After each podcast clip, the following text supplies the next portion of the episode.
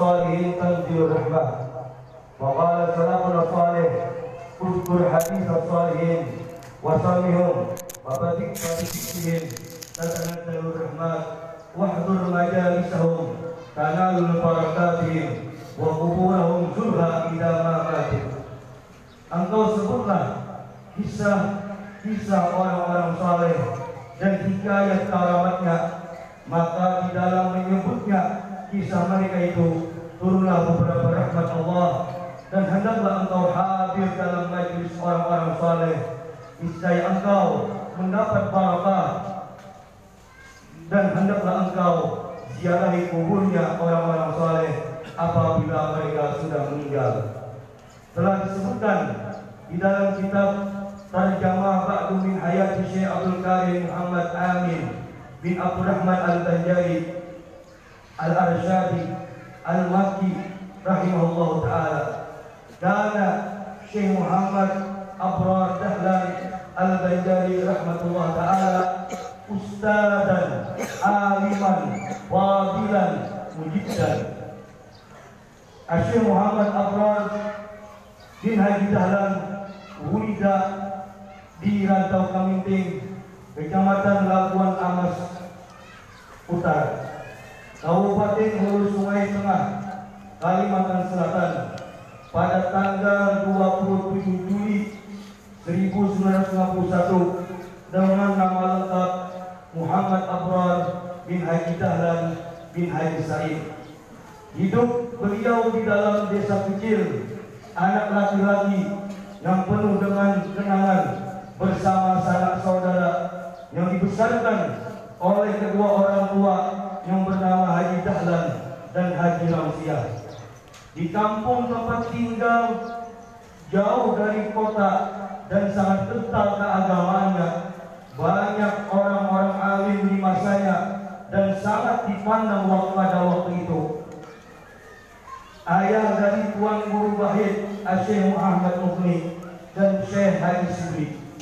Di saat bahagianya di masa kecil, beliau sudah ditinggal oleh ibu tercinta untuk menghadap ilahi Rabbi. Di masa kecil, beliau telah nampak sosok kepemimpinan. Itu semua berkah doa sang ibu di saat hamil beliau radhiyallahu an ibu beliau bermimpi melihat bulan purnama masuk ke dalam perut beliau. Di saat sadar ibu beliau berdoa agar anak di dalam rahimnya menjadi orang alim. Pendidikan beliau beliau menamatkan pendidikan di desa tersebut. Dilanjutkan dengan SMP di Kasarangan. Setelah satu tahun SMP beliau meminta kepada kedua orang tua beliau merasakan panggilan jiwa yang lebih condong kepada dunia pendidikan agama. Dan beliau meminta dipindahkan ke pesantren. Dan beliau diberi dua alternatif. Pertama pondok pesantren Ibnu Amin Pamangki kedua pondok pesantren Darussalam Martapura. Beliau memilih yang pertama yaitu pondok pesantren Ibnu Amin dengan pertimbangan jarak yang dan ongkos yang lebih murah. Demikianlah sejak tahun 1968 beliau menjadi santri di Pondok Pesantren Ibnu Amin Kamanggi. Setelah dua tahun beliau diangkat menjadi tenaga pengajar di Pondok Pesantren itu. Kemudian tahun 1975 beliau berangkat ke kota Mekah untuk melanjutkan menuntut ilmu tetapi sebelum beliau sempat memondok di pesantren Lirboyu Kediri dan juga pondok pesantren Datuk Kelampayan Bangil Jawa Timur. Selama kurang lebih enam bulan dan sempat beliau menghafal Al-Quran hingga juz ke-10 selama di Mekah beliau belajar di Madrasah Darul Ulum. Di samping pelajaran berbentuk halabah di Madrasah Darul Ulum. Lazim durusul masyayikh di haram Makkah wabil manajil dan beliau juga sering belajar di guru-guru di Masjidil Haram di kota Mekah dan di rumah-rumah dan beliau sering dan senang mendatangi rumah-rumah guru-guru yang ada di sana untuk mengambil ilmu yang ada pada guru-guru dan masyayikh saat itu.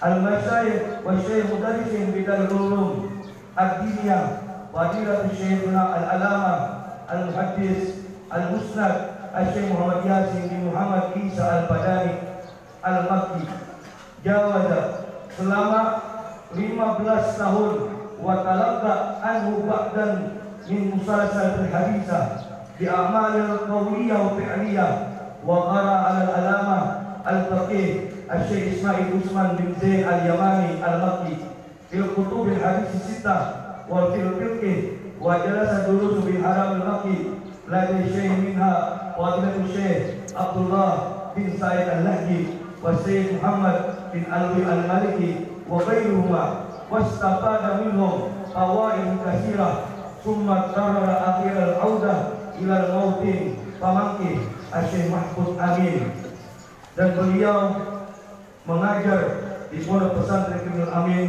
pada tahun 1990 dan beliau mengajar lebih dari 10 tahun kemudian memutuskan hijrah pindah kota Sampit untuk membangun dan mengelola pesantren Darul Amin pada tanggal 10 Desember 1998 sedangkan rentang waktu antara tahun 96 tahun mulai berdiri dengan tujuan mengenalkan agama Islam dengan basis pesantren dan alhamdulillah sampai sekarang. Syekh Suyuh guru-guru beliau selama di tanah air yang pertama Tuan Guru Yai Haji Mahfud Amin pendiri Pondok Pesantren Ibnu Amin Pamati yang kedua Yai Ahmad Mukni yang lebih dikenal Ayah Barabai ayah dari Tuan Guru Bakit Majlis Nurul Muhyiddin. Guru-guru beliau di kota Mekah Asyik Muhammad Yasin bin Isa Al-Badani beliau banyak mendapat ijazah sanad atau mata rantai cabang ilmu yang kedua Syekh Ismail bin Usman bin Zain Al-Yamani dari beliau banyak mempelajari ilmu hadis, hukum sita dan ilmu fikih. Yang ketiga, Syekh Muhammad Muhammad Alwi bin Abbas Al-Maliki. Yang keempat guru beliau, Syekh Abdullah bin Sa'id Al-Lahdi dan banyak lagi yang lainnya.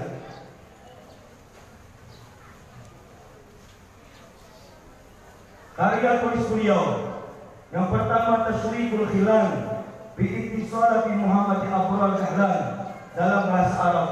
Buku ini mengulas tentang sanad ijazah dan kitab-kitab ulama salaf atau yang lebih populer dengan sebutan kitab kuning yang paling banyak dipelajari di pondok pesantren hingga sampai kepada pengarangnya.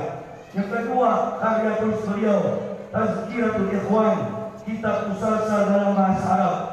Buku ini mengulas tentang sanad dan ijazah musalsal seperti musalsal memakai cincin, korban, minyak wangi, memotong kuku, bahkan sampai contoh menyuapkan makan dan memakan labu. Sehingga ketika kita melakukan perbuatan tersebut, seolah kita telah mencontoh secara langsung dari baginda Nabi Muhammad Sallallahu Alaihi Wasallam lewat rantai tata cara yang dipraktikkan secara langsung dari para guru kepada muridnya. Yang ketiga karya beliau Ad-Durus Samin di Manakib Asyik Mahfud Amin Manakib Syekh Mahfud Amin dalam bahasa Arab Yang keempat biografi Abah Kai Kiai Mahfud Amin dan sejarah berdirinya Pondok Pesantren Ibnu Amin Pemangki dalam bahasa Indonesia.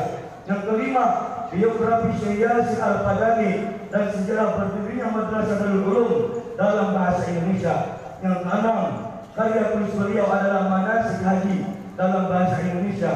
Yang ketujuh, beberapa perkamen yang mengulas tentang sanad fikih, ilmu mustalah hadis, sanad tafsir dan lain lainnya. Yang kedelapan, beberapa kitab yang masih dalam bentuk tulisan tangan dan belum sempat diterbitkan. Beliau adalah sosok pribadi istimewa, istiqamah, disiplin, tawadhu dan disertai semangat ikhlas berkorban. Tidak ada keinginan menggapai kemewahan duniawi untuk kepentingan agama. Beliau tidak segan-segan mengorbankan Beliau jual kebun beliau demi pembangunan pondok pesantren Putri Darul Amin. Bahkan selama hidupnya tidak pernah ingin memberi makan anak-anak beliau dari makanan yang subhat. Beliau meninggalkan sesuatu yang sangat berharga untuk diteruskan, dipelihara, dijaga oleh generasi berikutnya. Terlalu mahal rasanya untuk ditinggalkan, terlalu sayang kenangan ini untuk dilupakan. Semoga Allah Jalla Jalaluh menerima segala usaha beliau. Amin amin ya rabbal alamin. Wa qala salat fatasaqahu illam takunu mislahum inna tashabbahul karam falah. Ilaika ya ustadi wa muallimi wa murabbi anta alladhi allamtani wa anta alladhi rabbaitani wa anta alladhi warista min rasulillah sallallahu alaihi wasallam ilman wa khuluqan warasatul anbiya. Wa qala sallallahu alaihi wasallam bukistu li utammima makarim al akhlaq. As'alullah ta'ala ay yarzuqna husnul adab ma'ah wa yukrimna bi hubbi wa ya'ad wa yaj'alna min warasati ulumi nabiyyah wa khuluqil karimah innahu sami'un mujib Sebelumnya ulun tutup ini lagi dan kata sambutan Al-Fakir mengucapkan terima kasih bagi orang-orang yang membantu akan terlaksananya acara baik tenaga, moral dan apa pun yang kalian lakukan insya Allah Allah balas dengan ganjaran yang sebesar-besarnya. Dan Alhamdulillah juga Al-Fakir memohon ampun dan minta maaf atas ketidaknyamanannya. Sekarang Masjid Darul Amin dalam tahap rehab, dalam tahap renovasi supaya apa? Supaya menambah kekhusyuan di dalam beribadah dan mudah-mudahan Allah Subhanahu wa taala menggerakkan hati-hati para dermawan yang ada di Kota Sampit untuk menafkahkan hartanya atas terlaksananya pembangunan pondok pesantren Darul Amin. Insyaallah kami mohon doa restu daripada orang yang berataan. Kami selalu ingin menjadikan pondok pesantren Darul Amin selalu nyaman dan penuh keberkahan. Mudah-mudahan perkumpulan kita hari ini diberkahi oleh Allah Subhanahu wa taala. Dan aku maaf ini acara memang acara untuk keluarga besar Darul Amin. Tetapi alhamdulillah para hadirin wal hadirat karena kalian orang-orang yang memimpin kami tidak bisa menegang akan kehadiran kalian-kalian berataan memang sebenarnya kami pun ditahan dan dilarang untuk mengadakan acara ini tapi dengan aku yakin dengan keimanan yang kuat bahwasanya kami meyakini indah zikra salihin tatanazzalur rahmat ketika kita memilih orang-orang salih turun rahmat mudah-mudahan warga Kotin khususnya yang hadir di hari ini kita tercegah daripada wabah yaitu wabah virus corona. Wa wasallam. Bifatika subhana rabbika rabbil izzati amma yasifun. Wassalamu ala mursalin. Walhamdulillahi rabbil alamin. Wassalamu alaikum warahmatullahi wabarakatuh.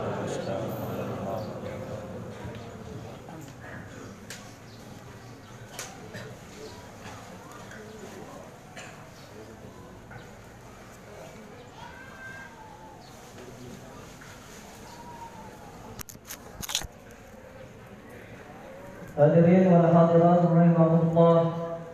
Demikianlah pembacaan mana Anas bin Malik mengatakan di dalam riwayat Juhudna Syaban min al-Ansar. Kami pernah berkunjung kepada seorang pemuda dari kalangan Ansar yang sedang sakit parah. Parah karena ini.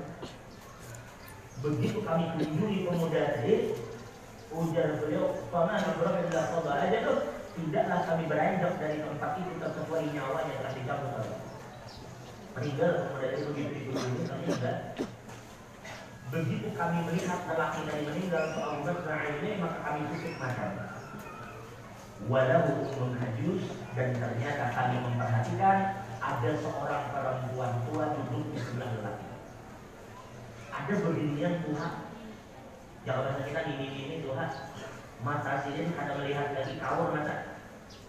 Mata sidin kada melihat duduk di hingga kepala kamu dari.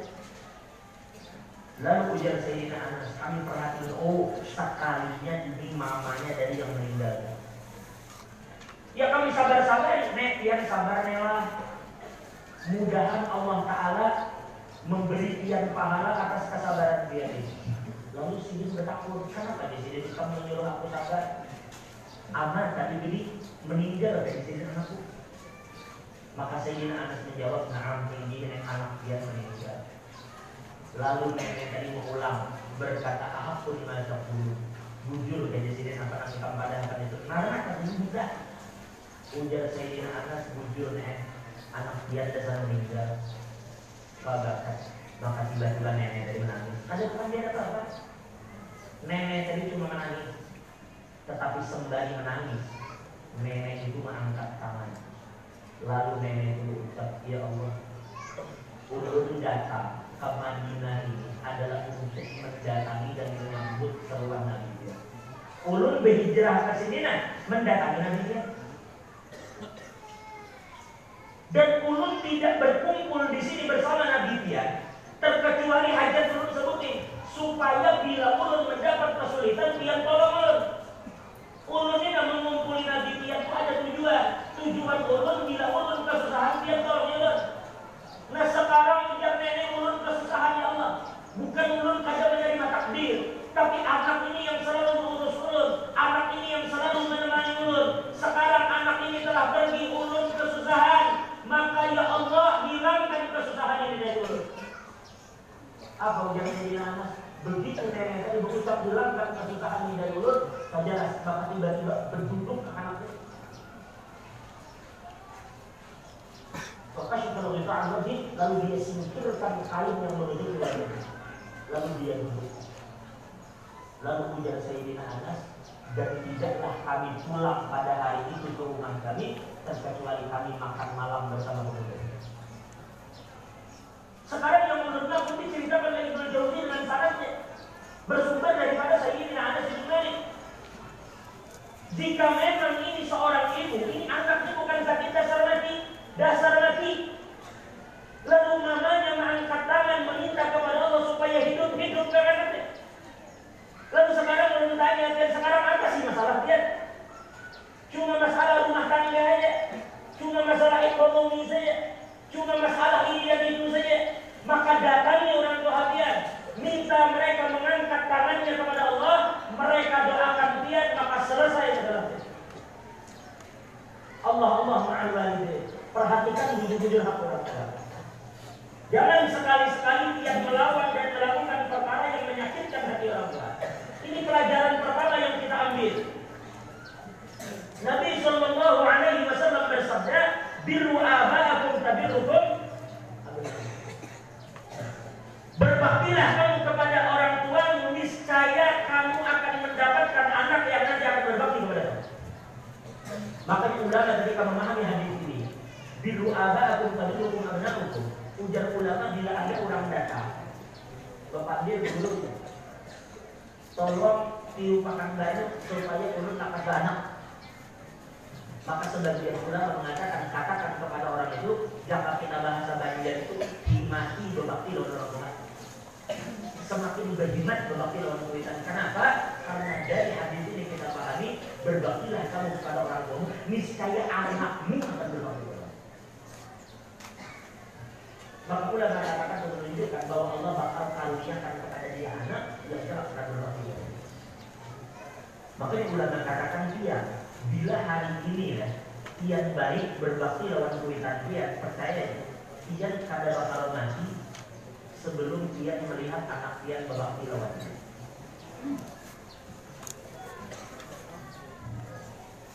Tapi awas ya. Kalau hari ini dia durhaka dan menyakiti hati orang tua dia, dia pun kada akan mati sebelum melihat anak dia durhaka dan menyakiti hati. Wa'ad dan maqdiyah inilah janji yang Allah pasti akan bayar. Nah, ini yang pertama masalah orang. Kita lihat tadi ternyata Allah yang Alimul Fadil Kiai Muhammad Abrar adalah anak yang bakti lawan orang tua sehingga mendapatkan doa-doa dari orang tuanya. Yang kedua, ternyata orang tua itu bukan cuma seikung. Dikatakan orang tua kita itu tiga kan. Yang pertama kuitan yang melahirkan kita. Yang kedua siapa? Yang kedua adalah orang yang menikahkan anaknya lawan kita. Coba deh. Ini doa. Jadi nak banyak bini-bini otomatis banyak bioli doa.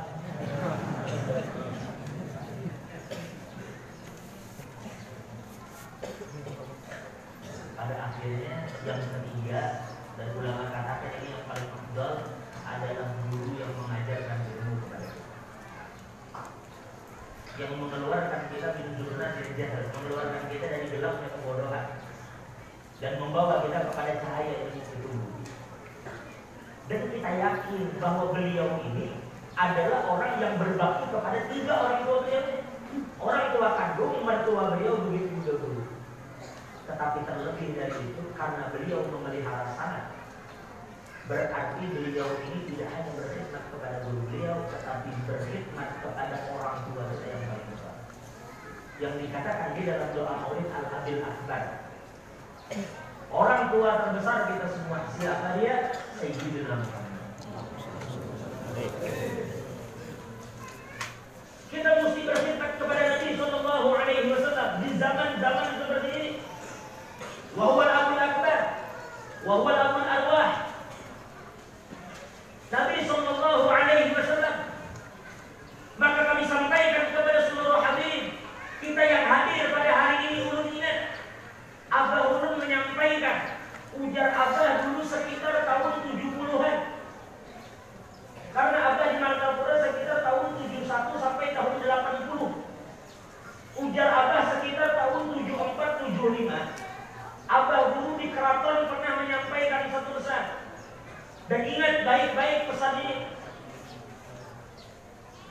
Ujar Abah Ulun kadang mendengar langsung dari Abah. Dulu cuma Abah Ulun menyampaikan dulu rasa kadang mungkin Abah Ulun itu saya Ulun ujar Abah anak jadi dulu tahun 70-an Abah dulu pernah berucap ujar sidin ingat bubuhan ikram sidin apabila berziarah. Waktu itu Abah dulu mencontohkan kalau ada satu kalampayan ujar Abah dulu bila nyawa nanti berziarah ke kalampayan maka ingat bila kita duduk berziarah di sana kita berdoa kepada Allah. Tuntung kita berziarah tuntung kita berdoa sebelum bulik terakhir hati kita berucap kita bertawajuh di situ. Apa? Ujar Abah guru ya Allah. Kita menyeru kepada Allah. Ya Allah dengan berkat nur Rasulullah yang ada pada sini kabulkan itu ulun pulang ujar Abah guru. Abah ulun dengar sekitar tahun 70-an dengan berkah nur Rasulullah yang ada pada sini ini kabulkan hadis itu Ingat itu setiap pian berziarah ke mana pun. Pian ujung apa? Ujung apa? Ujung pancaran. Atau pian ke mana pun berziarah. Ketika nanti kita sempat berziarah lagi, duduk di hadapan alim dan fadil Kiai Muhammad Abdul duduk di situ. Maka niatkan ya Allah dengan berkat Rasulullah yang ada pada sini, kabulkan hati itu Dan ternyata sekitar tahun 2018 tadi. Kalau bukan 2017 atau 2018. Kami ketahui waktu itu bersama dengan Guru Ilham di Banjarmasin. Waktu itu ulun Guru Ilham duduk di hadapan Sayyidina Al-Hakimah. Sidin duduk di sini, ulun dengan Guru Ilham di Mukajirin.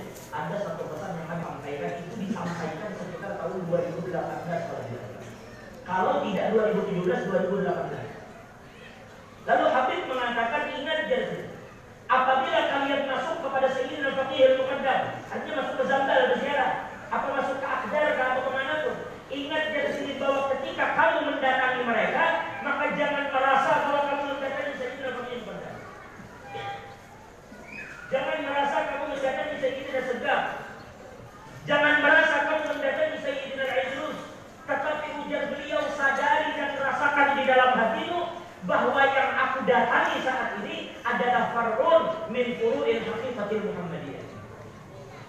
yang aku sedang datangi ini adalah salah satu cabang daripada rahasia Nabi Muhammad Wasallam. Bahasa mereka hakikatul Muhammadiyah, bahasa kita belajar ya Muhammad.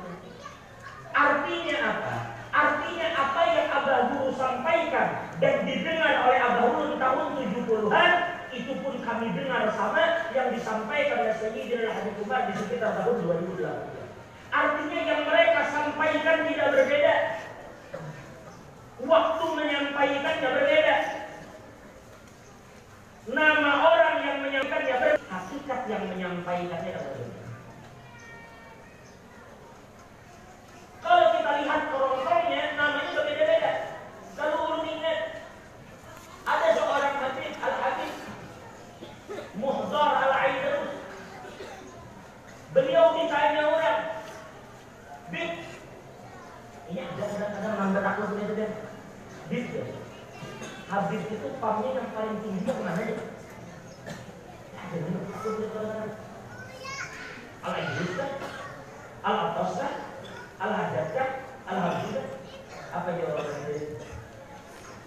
Ujar sidin mal-Atas Walal aidus Walal habshi Walal sedap Illa dulu Ujar sidin Al-Atas Al-Habshi As-Segab Bin Zahir Bin Syihab Bin Yahya Bin Syihab Bakar Ujar sidin Tongkongnya semua itu cuma casingnya. Hakikat yang ada di dalamnya adalah Sayyidina Muhammad. Lalu apa tak dibandingkan? Makanya ulama katakan kita disuruh mencintai dan berpegang kepada para habaib man tamassaka bil farri faqad tamassaka asli. Siapa yang berpegang kepada cabang satu pohon, hakikatnya dia berikut lawan pohon. Karena cabang lawan pohon itu ada berpisah. Cuma pohon itu kadang terlalu gatal untuk diikuti. Makanya menggunakan cabang yang halus supaya tangan kita jangan berikut. Ini yang menurut maksud. Jadi hati-hati dia bila bertemu dengan orang-orang wali seperti itu. Al-Majad bin Majad. Pian datang ke sini nah, mendatangi haul Guru Abrar. Kalau pian anggap Guru Abrar itu adalah seorang muslim, hanya orang yang soleh, pian akan dapat dan majad beliau sebagai orang soleh. Tapi ketika pandangan pian lebih dari itu, aku mendatangi seorang wali dan auliya Bagaimana bukan wali? Kalau di dalam dirinya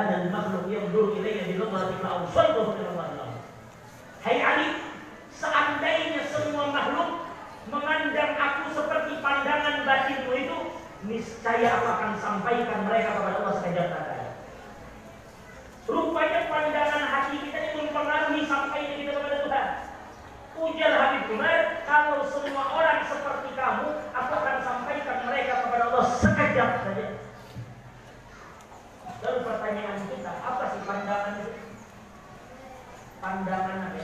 Ternyata pandangan itu adalah pandangan ainul kamal, pandangan dengan memandang dulu dengan pandangan sempurna. Jangan alam-alam melihat nubuatnya. Syekh Ali Baros itu kan di dalam manakib disebutkan si itu tukang urut, tukang urutnya Habib Umar.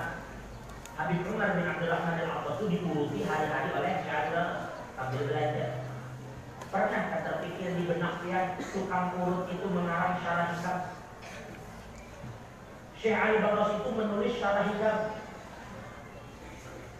Ketika Nabi Allah Khadir datang, semua orang berebut bersalaman dengan Nabi Khadir. Jadi kada mengikuti berarti satu.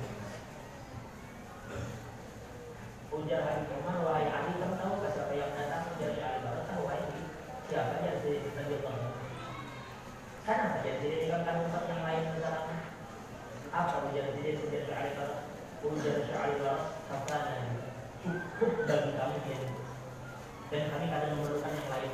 Istighfar kawan nubuwan tenggelam panah lawan nubuwan ini yang mengantarkan Syekh Baros kepada sesuatu yang mengalahkan orang-orang di dalam. Nah ini beliau sendiri katakan di dalam syarah hikam maka tiap buka syarah hikam tulisan Syekh Baros sekarang sudah dicetak orang. Dulu kitab itu sulit dicari. Sekarang sudah mudah di Mandrapura pun ada alhamdulillah selama ini kita baca syarah hikam tulisan daripada Imam Ibnu Adi dari Qadul Imam. Tulisan dari Ibnu Adi al Hasani nah Syahli Rasul menulis. Di dalam situ beliau katakan khulluh biar aja orang banyak. Yata'abbaduna ila Allah bisolati wa siyam wa sadaqah. Biar orang cara mereka beribadah dan mendekatkan diri kepada Allah dengan banyak sembahyang sunnah, dengan banyak puasa Senin Kamis, dengan banyak bersedekah makhluk, biar aja buahnya wanahna. Sedangkan kita nata'abbad aina taqarrab, kita menyembah, kita mendekat kepada Allah bil musyahadah yaitu dengan menyempurnakan pandangan kepada Allah. Jangan yang kira bahwa menyempurnakan pandangan terhadap guru itu tidak akan menyampaikan dia kepada Allah. Ini yang dimaksud oleh Imam Ibn Atta'illah bahwa ketika Allah mendekatkan kita kepada seorang menyampaikan kita kepada Allah tetapi melalui tangan seorang jadi sekali lagi sampaikan terutama kepada murid-murid beliau bahwa sekali lagi kita bila memandang perguruan itu jangan lama-lama. Kita seandainya guru yang menceritakan mana kecil sampai berhari-hari ini kita kan ya kada bakal selesai cerita orang-orang begini. Sambung lagi guru sidin saya yakin. Sambung lagi guru sidin saya Ismail Zubair kada bakal tuntung nanti sampai kiamat kada bakal tuntung kenapa? Ada tuntung pada akhirnya kita katakan kalau beliau ini adalah sungai yang begitu luas dan dalam sungai itu maka biar sadar sungai ini ujung-ujungnya bakal ke laut. Sungai itu selebar dan sedalam apa pun ujung-ujungnya ke laut.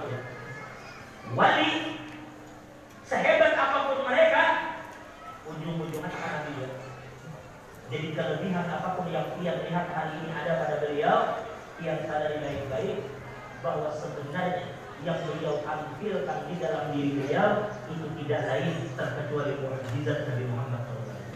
Imam Nawawi dikatakan bahwa ketika dulu ada para nabi lalu umat ini diberi karomah hakikatnya karomah dari umat seorang nabi itu adalah cerminan dari mukjizat tersebut.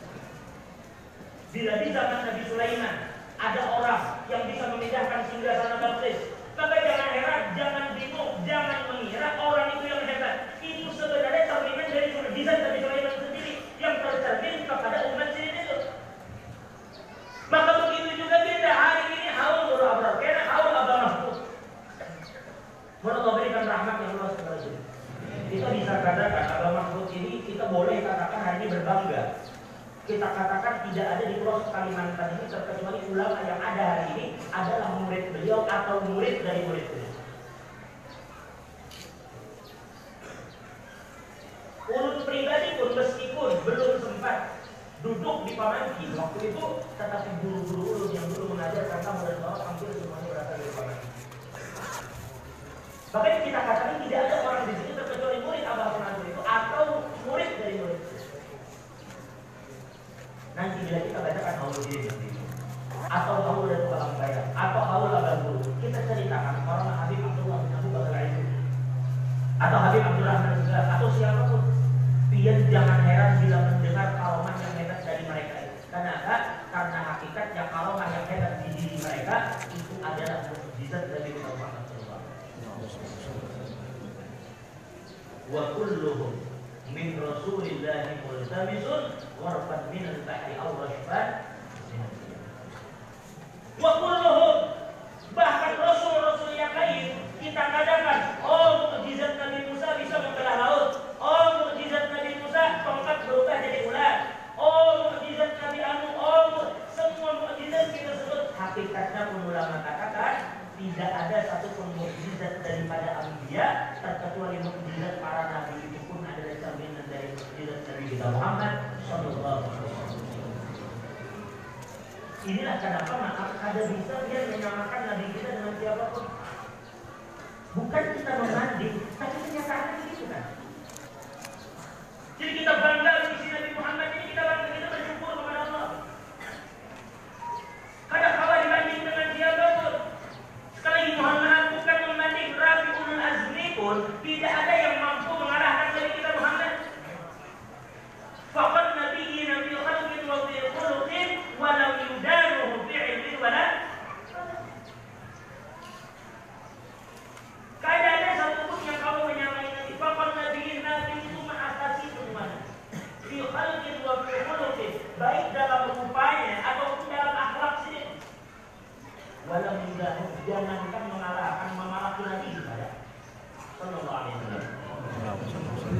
Jadi di majelis seperti ini kita mendekati Nabi lewat wali-wali. Dan alhamdulillah setiap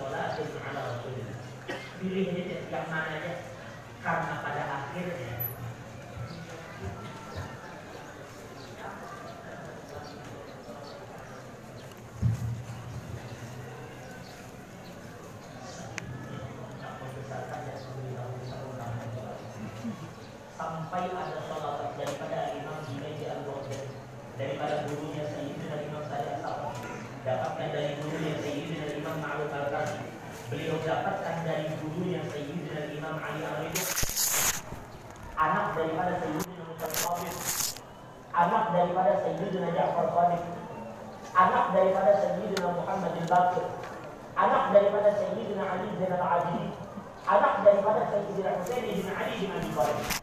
Cucu Nabi Sayyidina Ali Abdullah. Apa ujar Ali Abdullah? Ujar Sidin Sidin selalu setiap hari tidak pernah meninggalkan satu sholawat dengarkan ini baik-baik. Sayyidina Ali Abdullah cucu Nabi beliau selalu mengulang satu sholawat ajaib sholawat apa وجزيك اللهم صل وسلم على من شرفت الصلاة بالصلاة عليه Ya Allah, limpahkanlah salawat dan salam kepada orang yang sembahyang itu mulia karena nama Nabi sendiri. Perhatikan ya, Jadi bukan Nabi yang merasa terhormat, merasa hebat karena nama sini dibawa dalam sholat, bukan. Tapi sembahyangnya menjadi hebat karena amanahnya ada di situ. Jadi sembahyang itu menjadi hebat karena nama Nabi kita disebut di situ. Itulah kenapa ketika Allah berfirman, Inna Allah wa malaikatahu sampai akhir ayat, Al-Imam Ibn Ajib Al-Hasani di dalam tafsirnya Al-Bahrul Najib ketika beliau menafsirkan firman Allah itu, beliau meriwayatkan firman Allah kepada Nabi Musa. Allah berkata kepada Nabi Musa, ya Musa,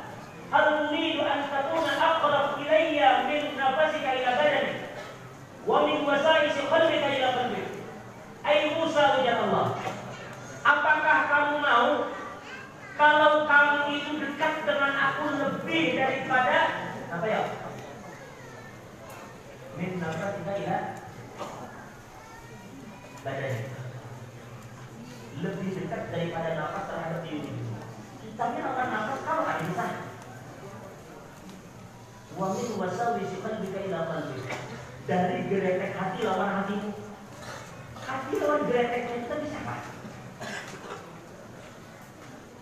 Nafas lawan kita tak bisa? Dekat berarti nafas ini ada di dalam diri kita. Geretek hati itu ada kan di hati. Ujar Allah hai Musa, kamu maukah kalau aku dekat kepada kamu lebih dari geretek hati itu terhadap hatimu? Dijawab oleh Nabi Musa, Bala ya Rab, ini ya Allah belum mau lebih dekat kepada yang lebih dari itu. Apa ujar Allah? Maka Allah menjawab, Fa'akfir minas salati ala Musa. Ujar Allah, wahai Musa, perbanyaklah bersalawat kepada kekasihku Muhammad. Ini disebutkan oleh Ibnu Ajibah di dalam tafsirnya Al-Baqul Majid. Jadi oleh karena itu kita bersyukur kepada Allah karena di hari ini Allah mengumpulkan kita bersama salah satu orang yang orang itu adalah memegang rahasia Nabi dan di dalam dirinya mengandung cahaya yang cahaya itu bersambung kepada Nabi Shallallahu Alaihi Wasallam. Sekarang ini memang pembicaraan tentang Nur Sayyidina Muhammad itu tidak mungkin orang berbicara satu saat ini. Tetapi zaman ini datang lagi orang-orang yang mengingkari itu masalah kita tadi. Memang pembahasan itu kita tidak mungkin sampaikan di dalam umum. Tetapi ada lagi datang orang-orang yang mengingkari Allah itu.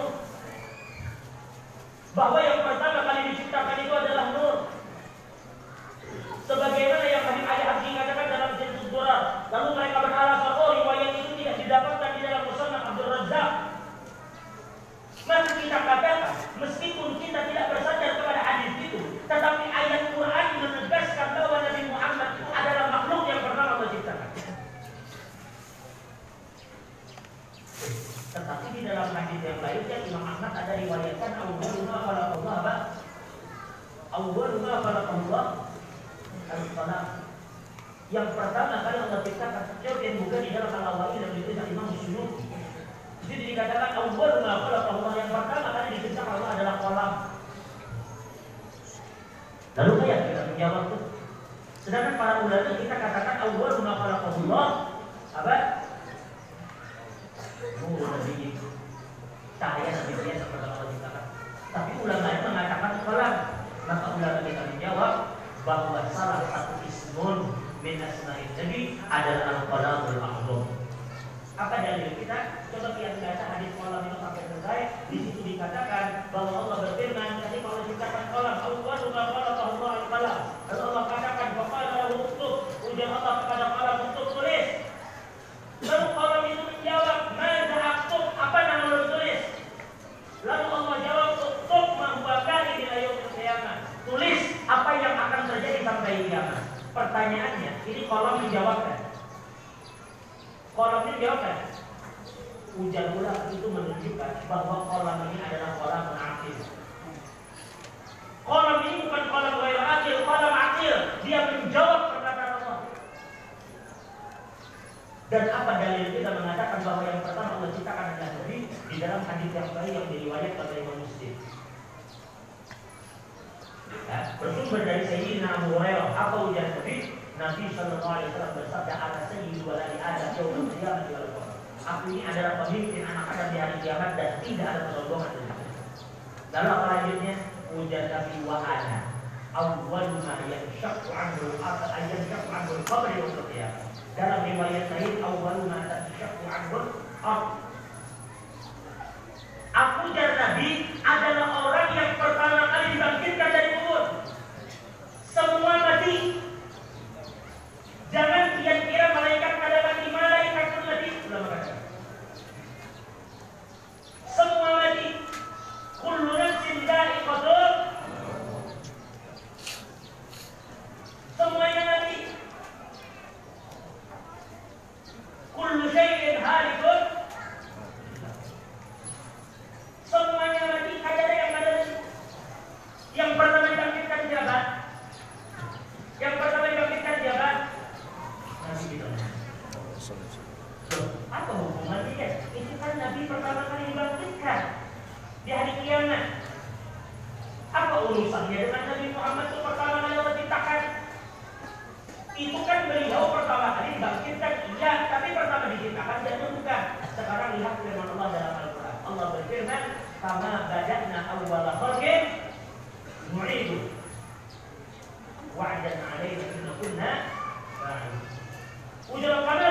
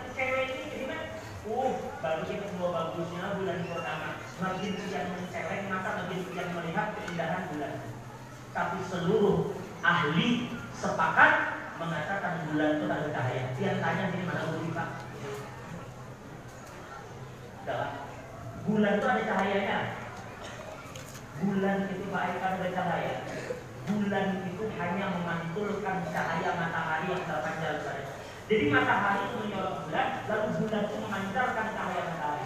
Jadi nanti kita lihat di bulan itu sebenarnya cahaya matahari yang diarahkan ke bulan lalu terpancar ke kita.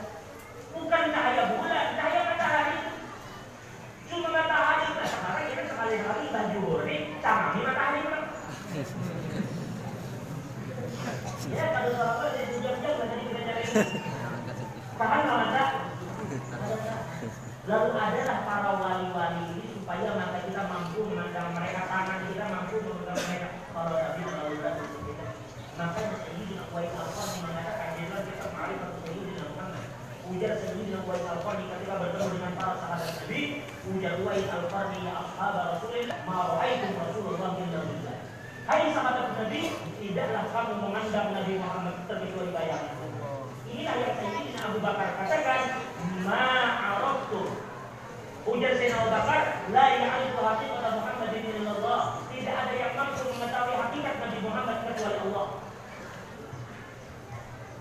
Kayak kita hendak tahu hakikat Nabi. Wa kaifa yudriku fid dunya haqiqatahu? Kenapa?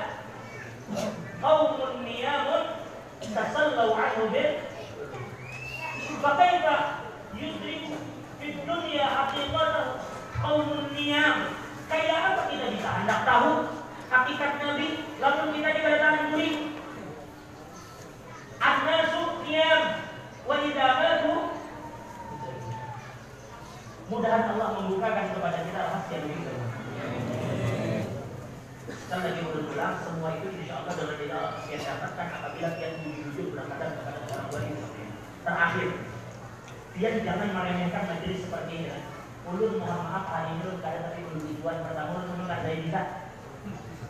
Mungkin hendak tertawa dia langsung ke PJ ya. Ulun maaf karena kada tidak jadi mohon maaf ini tegang nih ini kaget beradaan mata jadi uh, ya saya kita ketegangan terakhir dia jangan meremehkan hadirnya dia di majelis begini. Dia berkumpul,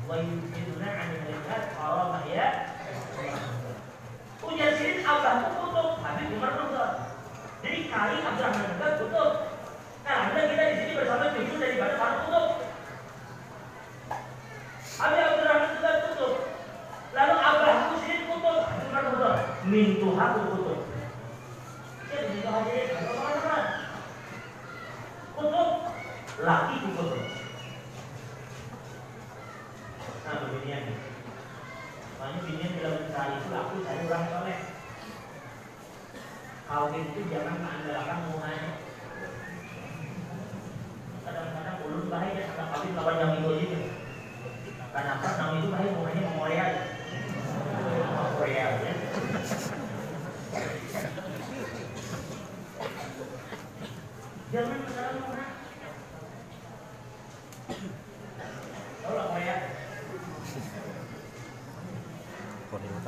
Itu sananya sedikit baru perahu.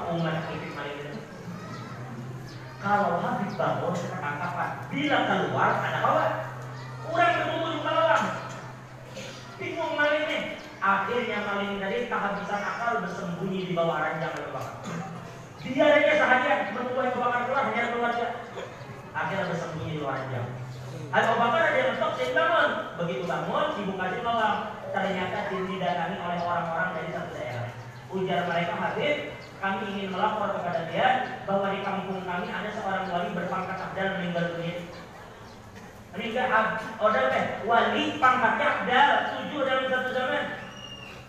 Meninggal sih pun kayak apa nih ujar Habib siapa gantinya? Ujar mereka kami cari di kampung kami dan kami mencari di kampung sekitar kami. Karena ada tampaknya orang yang bisa menggantikannya dalam posisi abdal. Ujar Habib cari ujur-ujur ujar mereka kami cari di, kami kembalikan ke biar karena biar tutupnya siapa yang akan menjadi wali abdal? Lalu Habib Abu Bakar mengatakan, ya sudah ya jadi kalau saya itu, kalau memang di kampung ini ikam ada orang yang bisa menyandang sampah kadal, di wadahku di sini ada seekor itu kurangnya dua jam.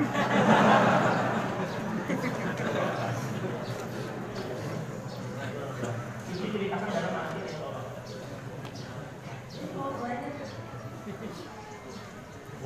begitu dia katakan, keluar ya, bisa keluar. Sekarang ini kamu dulu, kita mengaji, kamu sholat, kita bertahu kepada Allah, mulai hari ini Allah berikan kamu aja. Manis. Jangan berpikir anak orang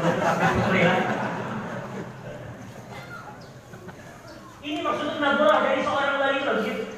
Makanya kita kita jarbur abar terjadi jarbur jarbur royal ini kita yakin insya Allah pada hari ini Allah akan turunkan rahmat kepada kita. Maka terakhir sebelum kita akhiri acara hari ini, Kuli ingin sampaikan kepada kita berdoa kepada Allah di majlis yang mulia ini mudahan pandemi ini segera diangkat. Amin. Karena kasihan yang pandemi Allah. Orang banyak mengeluh. Anu juga ya ulo ini juga doakan. Itu ya. Anu juga jualan di sini banget. Karena pandemi. Ini jangan heran ekonomi kan sekarang susah loh. Tian corona ini jangankan tian nang Tuhan. Jangan tian nang Tuhan. Ini kakak-kakak ini lima seorang berapa? umur 6 tahun, 5 tahun gara-gara corona nih hari raya Idul Fitri mati juga pulang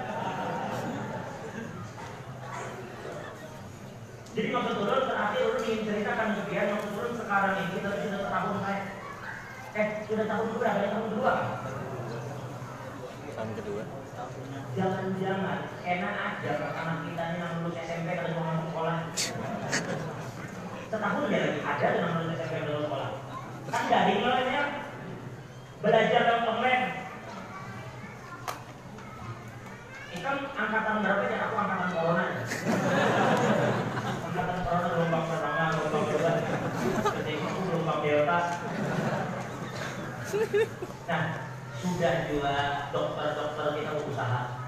Mudahan para aparat kita, para dokter kita, pemerintah kita yang berjuang mengatasi pandemi ini sudah diberikan kesehatan. Yang mana wafat karena pandemi ini mudahan mendapat rahmat yang luar dari Allah. Tetapi ingat sekuat apa pun kita berjuang dokter sudah berusaha vaksin sudah ada tangan. Ada Sinovac ada AstraZeneca macam-macam datangan vaksin. Tapi ternyata malah tambah liar makin banyak orang tertular segala macam. Nah ini menyadarkan kita sudah dua para perusahaan sudah dua pemerintah berusaha sudah dua para dokter berusaha sudah dua kita jaga jarak baca-baca. Tapi tetap ini mau begini maka akhirnya kita sadari ada yang mampu membantu kita untuk mengatasi pandemi ini selain Man alladhi yahsumukum min Allah in arada bikum aw arada bikum Siapa yang bisa melindungi dia kalau Allah ingin menimpakan sesuatu kepada dia? Ulun kalau sebut naurangan, bisa malinda, bisa malinda. Si jin ini ketika pandemi ada kawan ekonomi sekali. Bila hendak bertamu ke rumah si jin itu ya, nalih bila pun bertamu, bila bertemu, Bila hendak ke rumah sini itu disiram ulang dulu dan pakai ada tuh. Disinfektan. Ulang. Kalau bahaya itu bahaya disemprot. Wah ini manusia ada disemprot. Kalau rumah itu disemprot 20 kali ke satu hari satu dan dia naik sini naik. Nah sudah dibalik disinfektan. Habis disinfektan, Anda masuk ke ruang tamu sini, tangan ulang, dibagi ulang, detol, hand sanitizer, dibagi detol, sudah jelas. Datang ke rumah sini, jangan mimpi bawa salaman. Ini duduk kursi saja kita sini apa aja sampai kan sudah selesai, bully kita semprot ulang-ulang kursi kita tutup. Ada yang sama kita kayak. Saking namanya apa menjaga. Dulu dapat kabar terakhir dua laki bini jadi kena corona juga.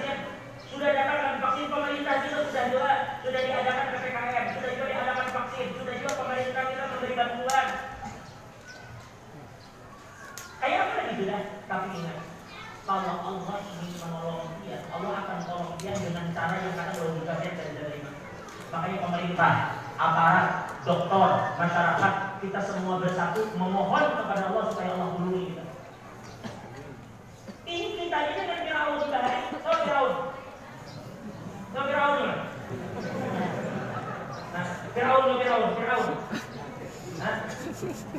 Firaun, tahu? Di mana kamu ketemu? tahu. Fir'aun ini dulu Allah uji, kenapa ya? Oh, dia dalam tafsir dikatakan kan Fir'aun ini dulu pernah Allah datangkan kodok memasuki manusia. Kodok itu sampai di ranjang Fir'aun ini kodok. Kodok penuh dengan belerang, macam-macam binatang mainkan, jijik, belum. Begitu mereka hampir putus asa. Sungainya ulang berdarah sungai di darah bang naik bang akhirnya nyerah juga. Dan mengaku Tuhan menyerah Ibak pondoknya pak. Tapi pun bantu ibunan juga akhirnya Fir'aun nyerah juga datang ke Nabi Musa. Ujar Fir'aun tak saja. Jadi, ini apa lagi Fir'aun? Eh, ya Fir'aun. Aku tahu Tuhan kami yang menjawabnya. Jadi tolong sampaikan kawan sini untuk saya. Hanya kami menyerah. Cukup sudah artinya sudah angkat deh. Kan Fir'aun sembunyikan itu. Fir'aun Fir'aun, Fir'aun sebutan itu tahu begitu yang asa ke mana menyandarkan masalah tahu Fir'aun anu kan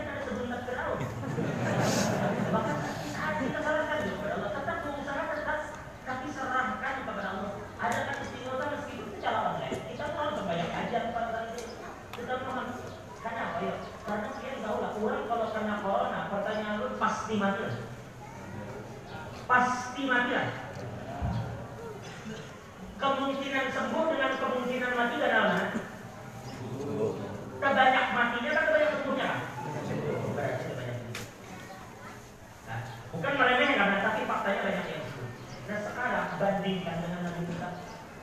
Ingat gak dari yang ya? Musa? Kamu lah Nabi Musa.